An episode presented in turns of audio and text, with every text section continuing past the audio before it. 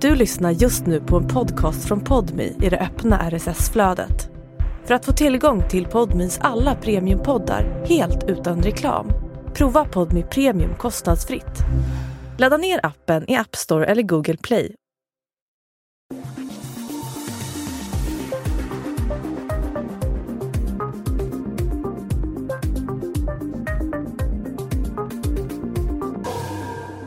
Sommaren 1974 släpps en återfallsförbrytare ut ur fängelset. Han flyttar in i en bostad i Malmö och får snart besök av en kvinna han haft kontakt med de senaste månaderna. Men besöket slutar olyckligt. Hon kastar ett glas mot honom och trillar. Det är så illa att hon avlider. Fem dagar efter den villkorliga frigivningen grips mannen och berättar just det. Men polisen har svårt att tro honom det är för många spår i bostaden som man inte har några förklaringar till. I förhörsrummet ändras hans historia gång på gång. En av de frågor som kräver ett svar är varför kvinnans kropp hittats i delar.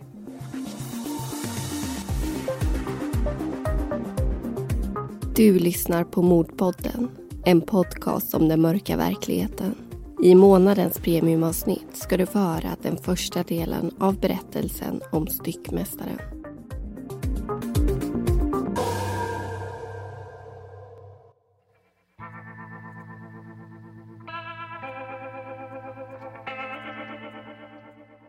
Under 30 och 40-talet sprider andra världskriget död och sorg runt om på jorden. De allierade står på ena sidan och axelmakterna på den andra. När de drabbas samman lämnas historiska byggnader i högar av kol eller sten. Grönområden blir till leriga ingenmansland och både soldater och civila mister sina liv på löpande band.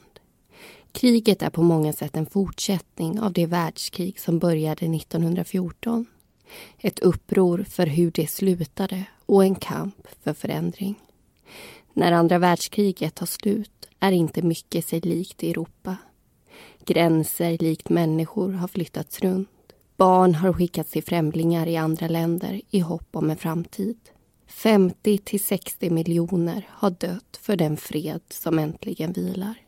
Och de som varit mitt i stridens hetta kommer alltid bära med sig det som gjorts mot dem och det som de själva utsatt andra för. Kriget och efterkrigstiden lämnar avtryck hos miljontals människor. En av dem är Tomek. Tomek föds sommaren 1927 i Polen. I tolv år är fred det enda han känner till. Men så kommer den 1 september 1939. Tyskland har under flera år velat få tillgång till området där Gdansk ligger. Polens nekande och alliering med Storbritannien och Frankrike ses som ett stort svek och Tyskland attackerar. De förklarar krig och går in med soldater, stridsvagnar och bombplan. Tomeks liv vänds upp och ner när hemlandet ockuperas. Tidiga tonåren tillbringas hos en tysk bonde där han sätts i hårt arbete. Kriget fortsätter rasa och Tyskland får allt mer makt. Samma år som Tomek ska fylla 17 placeras han i ett arbetsläger. Ungefär ett år senare, en månad innan hans 18-årsdag, tar kriget slut. Freden välkomnas med öppna armar. Det är för många en önskan som äntligen gått i uppfyllelse. Men det betyder inte att allt med detsamma blir frid och fröjd. En tredjedel av Tomeks liv är präglat av det där kriget och det har utan tvekan satt sina spår. När Tomek är 31 år gammal kommer han till Sverige som flykting. Han är utbildad styckmästare sedan flera år tillbaka och får jobb som slaktare. Lagen tycks dock inte vara något som Tomek vill följa och flera gånger döms han för brott. Misshandel, stöld, bedrägeri, rån och rattfylleri. 1972 attackerar han en äldre man med en batong. Slagen är kraftfulla och påföljden landar på två år och åtta månaders fängelse. Tomek placeras på anstalt och i början av 1974 får han kontakt med en kvinna som heter Jolla. Hon är nio år yngre än den numera 46-åriga Tomek och kommer även hon från Polen. Jolla arbetar på ekonomiavdelningen på Malmös allmänna sjukhus. De träffas genom en kontaktannons och när Tomek får permission tillbringar han tiden i frihet med henne. En romantisk relation får sin början och Jolla ser en framtid tillsammans med sin nyfunna kärlek. Men Tomek känner inte likadan. Han tycker att Jolla är udda och intresset för henne svalnar ganska omgående. Ändå fortsätter de att träffas hela våren. I början sover han över hos henne men efterhand blir det allt färre timmar i Jollas sällskap. Vår blir till sommar. Gröna gräsmattor färgas bruna av värme och torka. Måndagen den 19 augusti får Tomek lämna anstalten i Tygelsjö. Han blir villkorligt frigiven och flyttar in i en bostad på e. Hyacintgatan i Malmö. På torsdagen, vid elva tiden på förmiddagen, får han besök. Det är Jolla som knackar på. Tomek vill egentligen sluta träffa henne helt och hållet men det är svårt att bryta upp. Dessutom har han lovat att bjuda henne på polskorv och det löftet vill han hålla. Två dagar senare, den 24 augusti, får polisen i Malmö information om ett brott. Det har gjorts fynd i en sopcontainer i staden. Man har hittat vad som ser ut att vara mänskliga kroppsdelar. Polisen åker ut och innehållet i containern gås igenom. Misstankarna visar sig snabbt vara sanna och en mordutredning får sitt startskott.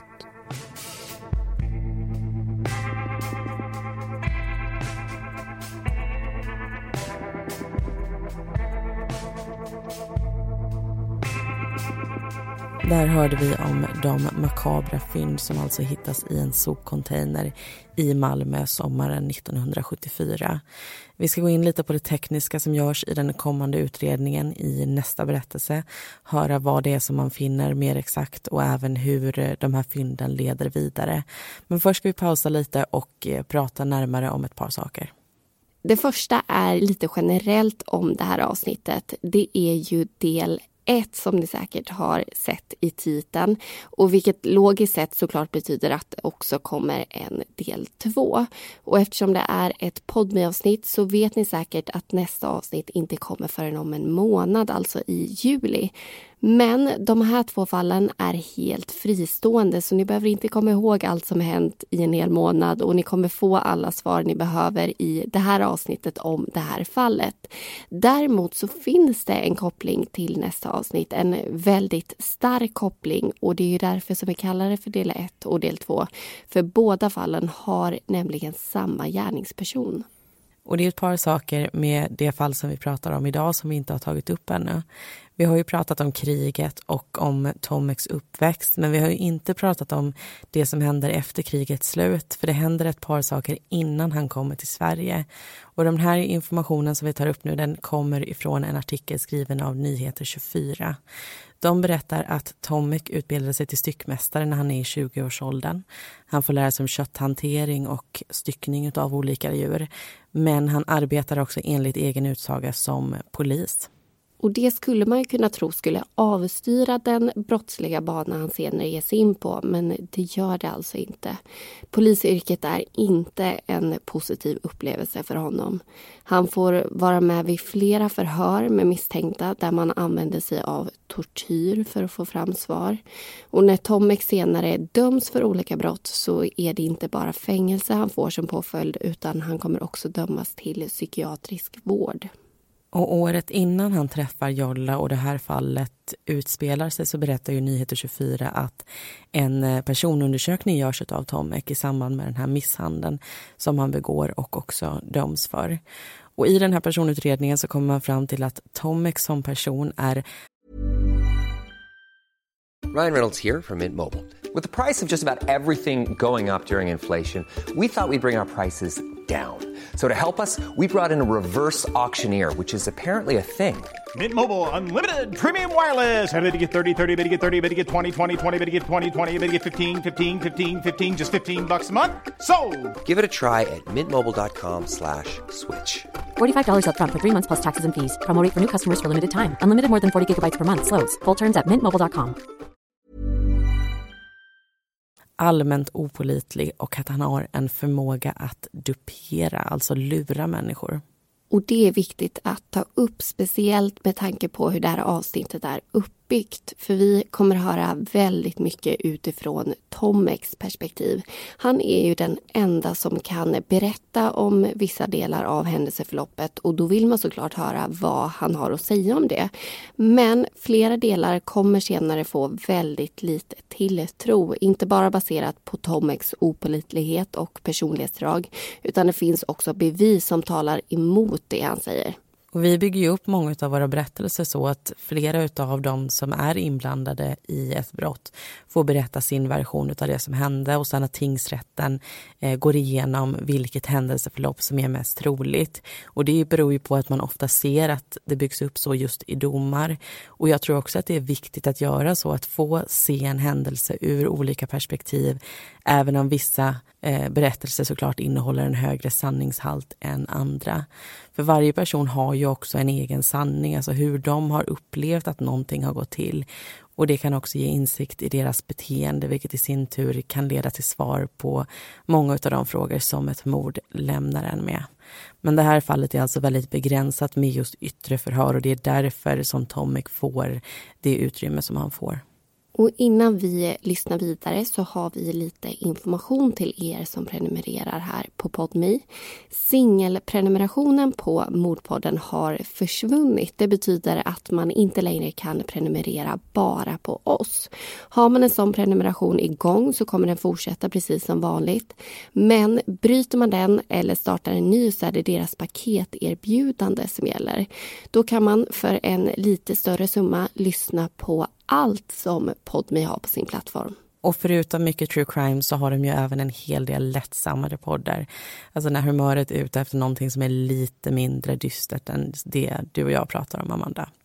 Och ett nytt tillskott som Podme har det är podden Din självhjälp där eh, programledarna Caroline och Camilla testar olika självhjälpsmetoder och de pratar om det här väldigt öppet och på ett väldigt härligt sätt skulle jag också säga.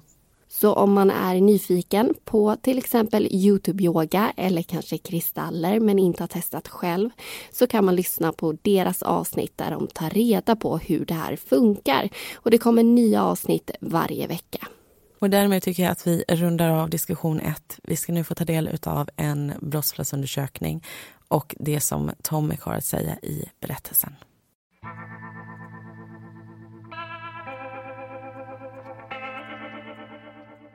Informationen om fyndet i sopcontainern når polisen klockan 15.20 på lördagen. De får veta att det ska röra sig om två människolår och en patrull åker ut för att undersöka. När de konstaterat att så är fallet inleds en mordutredning och en grundligare undersökning. Sopcontainern står på en parkeringsplats i närheten av St. Paulis kyrkogård. Den och området intill ses nu som en fyndplats. Allt som ligger i containern plockas ut, kategoriseras och gås igenom. Bland sopor och avfall hittas två svarta sopsäckar. I den ena ligger två lår, i den andra två underben. Polisen hittar också ett par sandaletter med lädersulor och en plastkasse som innehåller trasor, kläder och två postförsändelser. Samtliga saker är fläckade av vad som verkar vara blod. På postförsändelserna finns ett namn och en adress. Tomek på Hyacintgatan. Han blir omedelbart intressant för utredarna och redan samma dag får man fatt i honom. Tomek grips som misstänkt för mordet. Under natten får han genomgå en rättsmedicinsk undersökning. Man tittar över hans kropp för att dokumentera eventuella skador. Om han mördat en person är det inte omöjligt att den personen försökt försvara sig och lämnat bevis på hans kropp. Man hittar ett litet sår bakom ena örat och ett annat på halsen. På ena armen och benet syns också blåmärken. Men han har inga tydliga skrapsår eller tecken på att han varit involverad i ett bråk. När polisen frågar honom varför hans blodiga postförsändelser hamnat i samma container som ett antal kroppsdelar så berättar han om Jolla och beskriver dagen så här. När Tomek får syn på Jolla den dagen blir han aningen förvånad. De har inte stämt träff och han har planer på att åka in till stan och handla. Han förklarar det för Jolla medan de lämnar bostaden bakom sig. Hon bestämmer sig för att följa med och Tomek känner att han inte kan säga nej. De hoppar in i hans bil och lämnar Hyacintgatan. Tomek är ute efter ett par gardiner. Han tittar men hittar inga och snart går bilfärden hemåt igen. Under resan pratar Jolla om att de borde gifta sig. Tomek vill inte lyssna utan försöker förklara att män inte intresserar sig för sånt. De är bara ute efter sex. Han funderar på om han ska stanna bilen och be henne kliva ur. Hon fortsätter nämligen på samma samtalsämne. När han gör hot av tanken blir Jolla tyst. Tystnaden belönas när bilen återigen står parkerad. Tomek bjuder in henne i bostaden för att äta polskorv. Något han lovat vid ett tidigare tillfälle. De kliver innanför ytterdörren, tar av sig skorna och går in i köket. Längs ena kortsidan finns en dörr som leder ut till balkongen. Och intill den ett köksbord med fyra stolar. Det är lunchdags och Tomek sätter på vatten till kaffe. Jolla slår sig ner vid bordet och öppnar munnen. Hon kommer in på giftermål igen. Tomek ber henne att lämna honom i fred. Han säger att han inte vill gifta sig med henne och plockar fram bröd och den polska korven. Tar fram en flaska vin och häller upp i ett glas som han sen räcker över till Jolla. Hon tar en klunk och sen en till. Tomek själv avstår. Mellan kylskåpet och vasken öppnar han en låda och plockar fram två knivar. En till brödet och en till korven. När allt är uppskuret torkar han av dem och lägger tillbaka i lådan. Han slår sig ner mitt emot Jolla. Hon tar några tuggor på smörgåsen och han fyller på hennes vinglas. Själv är Tomek för nervös för att äta. Jolla har återigen kommit in på ämnet giftermål. Hon tycks bestämd och inte alls hänsynstagande till Tomeks inställning. Dessutom börjar hon bli arg. Hon säger att hon bara är ett nummer, inte en person värd att gifta sig med. För varje mening blir Tomek mer och mer nervös. Han reser sig upp och går bort till kranen för att ta sig lite vatten. Han tänker att så fort han ätit klart ska han köra hem henne. Det är sista gången han vill se Jolla. Den 47-åriga mannen står lite halvvänd mot köksbordet och Jolla. Han ser hur hon dricker upp vinet som är kvar och sen flänger det tomma glaset mot honom. Tomek känner att det träffar ena sidan av huvudet och undrar vad som händer. Reaktionen från Jolla är helt oväntad och nervositeten han känt övergår nu i ilska.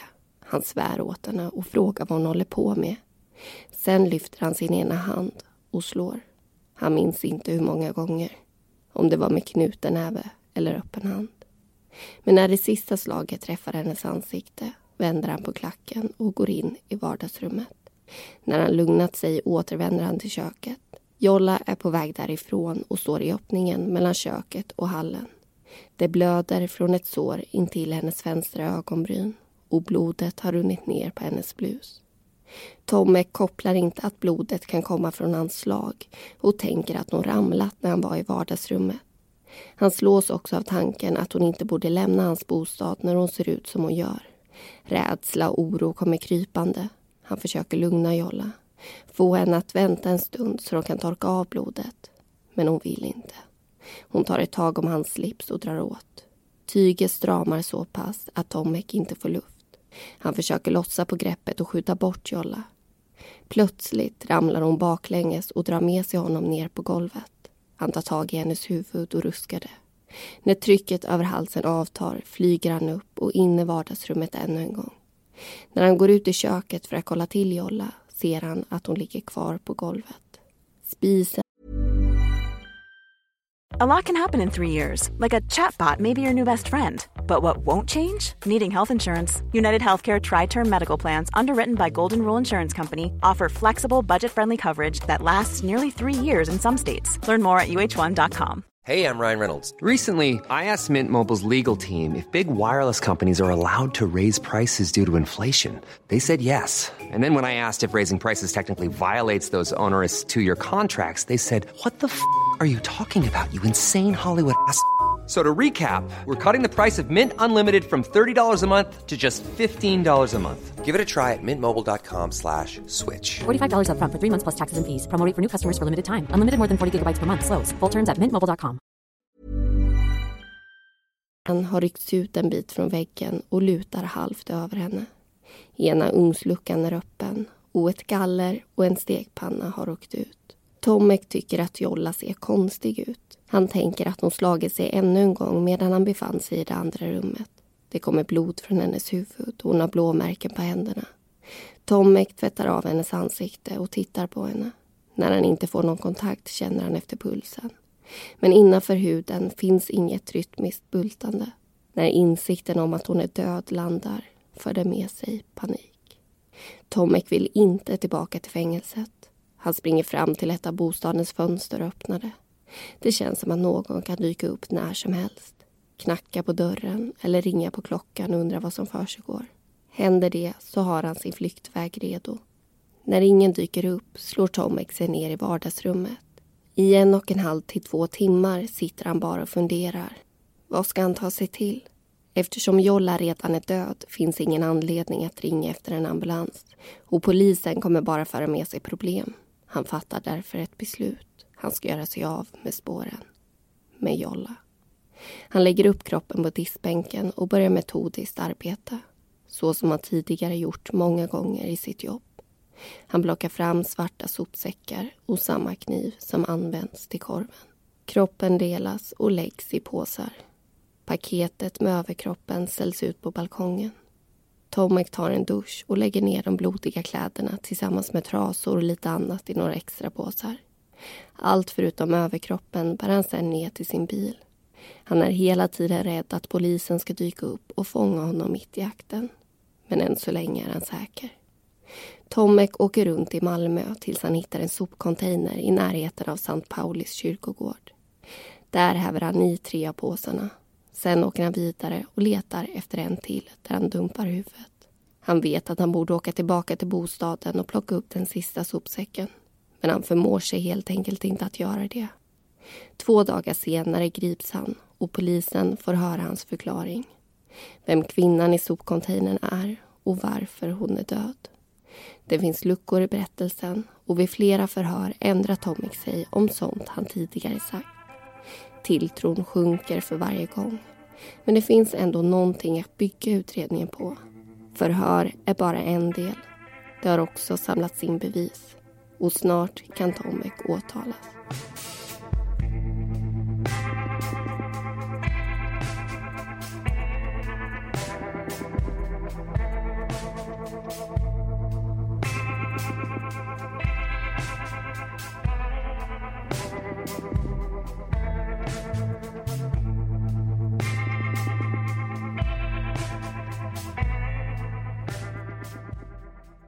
Ja, då har vi hört två utav tre delar kring det här mordfallet. Tomek har ju fått berätta sin historia nu och eh, vi ska i berättelse tre få höra mer om polisens utredning och hur bevisningen passar in i den. Men först ska vi prata om psykiatrin i Sverige och hur den har utvecklats genom åren. Och det här är för att få bättre insikt i någonting som kommer att bli påföljden i just det här fallet. Och idag så känns det som att det finns mycket kunskap och möjligheter inom psykiatrin. Vi förstår mer om mental hälsa och ohälsa än vi gjorde för 20, 40, 60 år sedan. Och det är inte längre så hysch-hysch att prata om det, även om man såklart vill att det ska komma upp i ljuset ännu mer. Och det finns såklart utrymme för förbättring, även om vi har kommit väldigt långt. I början av 1900-talet så hade vi två olika typer av inrättningar för psykiskt sjuka. De kallades för hospital och asyler. På ett hospital hade man de patienter som man ansåg kunde botas och på asyler de som i stora drag bara hystes för att man ansåg att de inte borde släppas ut i samhället. Och på den tiden var det ju fokus på tvångsvård och vård just som skulle utföras på de här inrättningarna, inte så kallad öppenvård som vi har mycket idag. 1929 så försvann de här asylerna som du pratade om men istället för dem så hade mentalsjukhusen någonting som kallas för stormavdelningar. Och som ni nog förstår på namnet så var inte det någon lugn tillvaro inne på de här avdelningarna utan det var en plats där de mest våldsamma och utåtagerande patienterna hystes. Och man visste ju inte riktigt hur man skulle hjälpa de här patienterna vid det här tillfället så det man gjorde var helt enkelt bara att samla ihop dem på ett och samma ställe. Och behandlingar som fanns vid det här tillfället var mer fysiska än de som används idag. Man hade sysselsättningsterapi, långbad där man tvingade patienter att ligga i ett vattenfyllt kar i flera timmar och ofta var det väldigt varmt. En annan sak som användes var svängstolar. Man satte alltså någon i en stol och snurrade sen på den så kraftigt att patienten tappade medvetandet. Och det låter ju helt knasigt i våra öron såklart. Men där och då så var det en del av hur man då tog hand, eller vad man ska säga, om eh, de med mental ohälsa. Och det låter ju helt fruktansvärt och overkligt. Men tro det eller ej så var det faktiskt ett steg upp från de metoder som användes under 1800-talet. Men på 1930 och 40-talet så introducerade man ju nya behandlingar inom psykiatrin. Och en av dem det var så kallad insulinterapi. Det var en form av chockterapi där man överdoserade insulin till patienter som inte behövde det. Och det här var alltså för att försätta de här människorna i koma. De här komerna kom ofta med krampanfall som kunde leda till benbrott och det kunde också i vissa fall leda till patienternas död. Och snart fick den metoden sällskap av en annan och det är elbehandlingar, även kallat ECT. Och de existerar faktiskt fortfarande i Sverige men de används på ett väldigt annorlunda sätt idag än vad de gjorde då. Och likt insulinchockerna så fanns det många farliga biverkningar med även den här behandlingen. Och sist men inte minst så kom en sak till under den här tidseran och det var lobotomierna kirurgi på hjärnan där man skar av nervbanor för att minska ångest och känslor som man ansåg var dåliga. Och problemet med det här det var att man minskade alla känslor och patienterna blev avtrubbade och de var inte sig själva efter det här. Och efter allt det här eländet så kom nästa era inom psykiatrin. Mellan 1949 och 1960 så hände det grejer på läkemedelsmarknaden.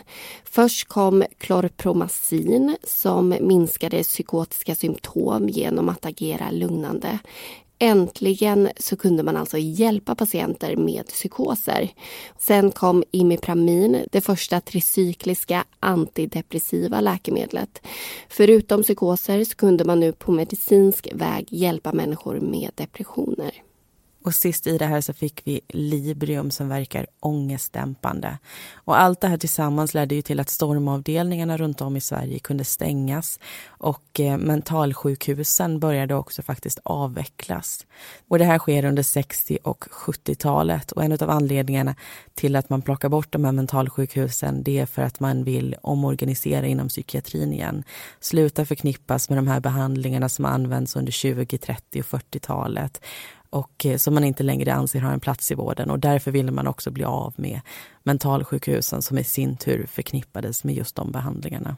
Och efter läkemedlens intåg i psykiatrin så börjar man se på patienterna på ett helt annat sätt. Ett humanare sätt, tack och lov. De slutna avdelningarna kritiseras och under 80-talet så är öppenvården huvudfokuset inom psykiatrin. Att behandla människor på en frivillig basis när de bor hemma.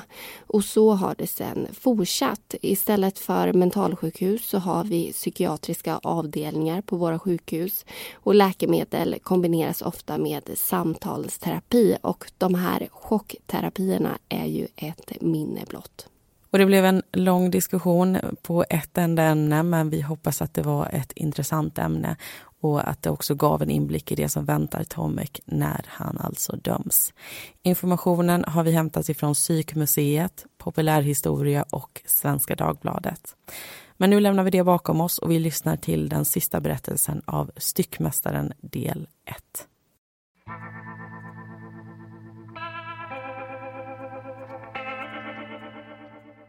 De uppgifter som Tomek lämnar i förhör kontrolleras av utredningsgruppen. Man beger sig till den sopcontainer där han säger sig ha slängt påsen med huvudet. Men trots noggrant genomsök hittas det aldrig. Bostaden på Hyacintgatan ger däremot napp. När de kommer dit står sopsäcken kvar på balkongen och innehållet skickas tillsammans med resterande kroppsdelar till den rättsmedicinska avdelningen på Malmös allmänna sjukhus. Jollas före detta arbetsplats. De flesta fynden återfinns i köket, på mattan, skåpsluckorna, väggar och tak. De millimeterlånga blodstänken är för många för att räkna. Men all information om deras riktning och placering skrivs ner i ett protokoll. De beskrivs som bruna eller rödaktiga, långsmala eller runda med taggiga kanter. Varje fläck berättar något om offret eller gärningspersonens placering och rörelse. De flesta är belägna i närheten av kylen och spisen. Det ser ut som att våldet som lett till blodvite utövats där. På väggen intill finns flera mörkröda fläckar och likaså på skåpet ovanför kylanläggningen. De hittas även på ventilationsgallret och i taket. Riktningarna varierar. Trots de många fynden hittas också tecken på att en hel del blod saknas. Tomek har försökt göra rent efter sig, torkat av golvet såväl som skåp och bänkar. Men det har inte gjorts tillräckligt bra. I nederkant av flera skåpsluckor hittas rikligt med blod. Blod som runnit från diskbänken och neråt för att samlas på en plats som ögonen inte uppfattat vid städjobbet. På kylskåpets ena sida hittas en avskrapning av emalj och på golvet flera svarta repor. Spisen står 9 centimeter utifrån väggen och när man flyttar på den hittar man blod och en 31 centimeter lång repa på den intilliggande skåpsidan. Man testar att välta spisen framåt och ser att rörelsen passar väl in på repans krökning. Tomek har i förhör sagt att de trillade och att spisen stod så där när han hittade Jolla död. Men om de trillat in i den, eller hon ensam, borde sladden ha slitits ur väggen. Vid deras försök märker de hur lätt den har för att hoppa ur. En annan sak som borde finnas, men som inte gör det, är skador på spisens framsida. Ett kraftigt tryck borde också resulterat i kontakt med golvet. Det finns två tänkbara scenarion som ligger bakom de stänkbilder och spår som hittas i bostaden. Antingen kommer de från slag som träffat ett blodigt ansikte eller så har ett föremål använts. Om en kniv huggit och sen lyfts upp för att rikta ett nytt hugg skulle stänken på väggar och tak kunna få sin förklaring. Avskrapningen på kylskåpet skulle också passa in. Säg att deras lilla konflikt ledde till ett stort bråk. Knytnävar byttes ut mot en kniv och en person miste livet. Det låter rimligt, men stämmer inte överens med Tomeks utsaga. Han har slagit Jolla, men varken använt någon kniv eller orsakat hennes död. Protokollet från brottsplatsundersökningen hamnar i en växande förundersökning. Snart får polisen också in ett utlåtande från rättsläkarstationen. Över hundra skador har hittats och loggats. 41 av dem uppkom när Jolla fortfarande levde. De mest intressanta hittas i och runt halsen. Det finns tecken på att hon utsatts för strypning. Struphuvudets övre horn är båda avbrutna och intill finns blödningar vilket betyder att det inte tillkommit under styckningen utan innan. På utsidan av halsen kan man också se en halvmåneformad avskrapning. Ett tecken som ofta uppkommer då naglar gräver sig in i huden. På överkroppen hittas rodnader och flera blödningar. Muskulaturen kring ena sidans revben visar på att bröstkorgen tryckts ihop. Det skulle kunna vara en rest från fallet med Tomek men också från ett medvetet tryck. På händerna hittas flera skärskador som den 47-åriga mannen inte kan förklara med annat än det trasiga glaset som Jolla kastat. Men skadorna är för raka för att ha orsakats av något sånt. Det ser snarare ut som avvärjningsskador man kan få vid ett knivöverfall när man greppar bladet i sina händer för att skydda kroppen. Trots en noggrann undersökning förblir dödsorsaken okänd. Jolla har blivit strypt och det kan vara anledningen till hennes död. Men utan huvudet kan man inte säga att det garanterat var så. Styckningen utfördes dock av någon som var kunnig inom anatomi. Säg en styckmästare. Trots att flera frågor fortfarande saknar svar väljer åklagaren att väcka åtal. Tomek är misstänkt för mord och i Malmös tingsrätt får han en chans att försvara sig samtidigt som åklagaren försöker få honom dömd. Vittnen hörs, bevis läggs fram och klockans visare snurrar. När huvudförhandlingen nått sitt slut går alla åt varsitt håll. En tid senare faller domen. Tingsrätten ser till de uppgifter som Tomek lämnat och hur de passar in med bevisningen. Eller i detta fall inte passar in. Hans berättelse är fragmenterad och även om det psykiatriska utlåtandet säger att minnesluckor kan förekomma så talar det ändå till hans nackdel. Det han säger sig komma ihåg har nämligen förändrats så många gånger att hans tilltro är närmare golvet än taket. Han har dessutom inte kunnat ge någon rimlig förklaring till hur Jolla faktiskt dog. Det han sagt är för osannolikt för att rätten ska köpa det. Att Jollas huvud inte hittas och någon dödsorsak aldrig framgår är till Tomex fördel. Även om man ljuger kring hur våldsamt det där bråket faktiskt var så kan man inte få en helhetsbild som motsäger det utan den bevisning som fortfarande saknas. Han säger att han inte använt någon kniv men tingsrätten anser att det är en osanning. Jolla har också blivit strypt, vare sig Tomek minns det eller inte. När det kommer till att utreda hans skuld i hennes död är det svårt att hitta ett definitivt svar. Man vet vad han gjort, men inte vilken skada som varit den avgörande. Jolla kan till och med ha trillat och slagit sig i huvudet så illa att hon avlidit kort därpå. Men det betyder inte att Tomek inte spelat en roll i det som hänt. Direkt uppsåt utesluts och man landar på en annan rubricering än mord. Tingsrätten anser att Tomek gjort sig skyldig till grov misshandel och vållande till annans död. Han har dömts för våldsbrott förr och avtjänat diverse fängelsestraff. Men läkaren som gör den rättspsykiatriska undersökningen menar att det inte borde bli påföljden här. Tomek har begått brottet under inflytande av själslig abnormitet som är så djupgående att det måste anses jämställt med sinnessjukdom. Tingsrätten ställer sig bakom det beslutet och bestämmer påföljden till sluten psykiatrisk vård. Mordet på Jolla är därmed uppklarat. Hennes historia får ett avslut. Men bara några år senare kommer Tomek sitta i en rättssal igen. Ännu en gång misstänkt för mord.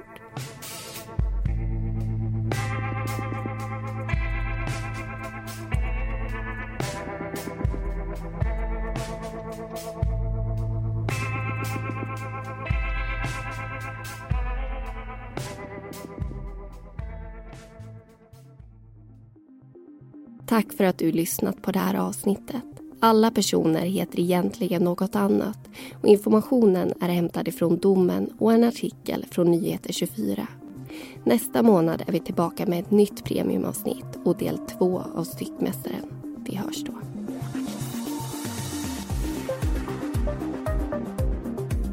Du har lyssnat på Mordpodden. Vi som har producerat den heter Amanda Karlsson och Linnea Bolin.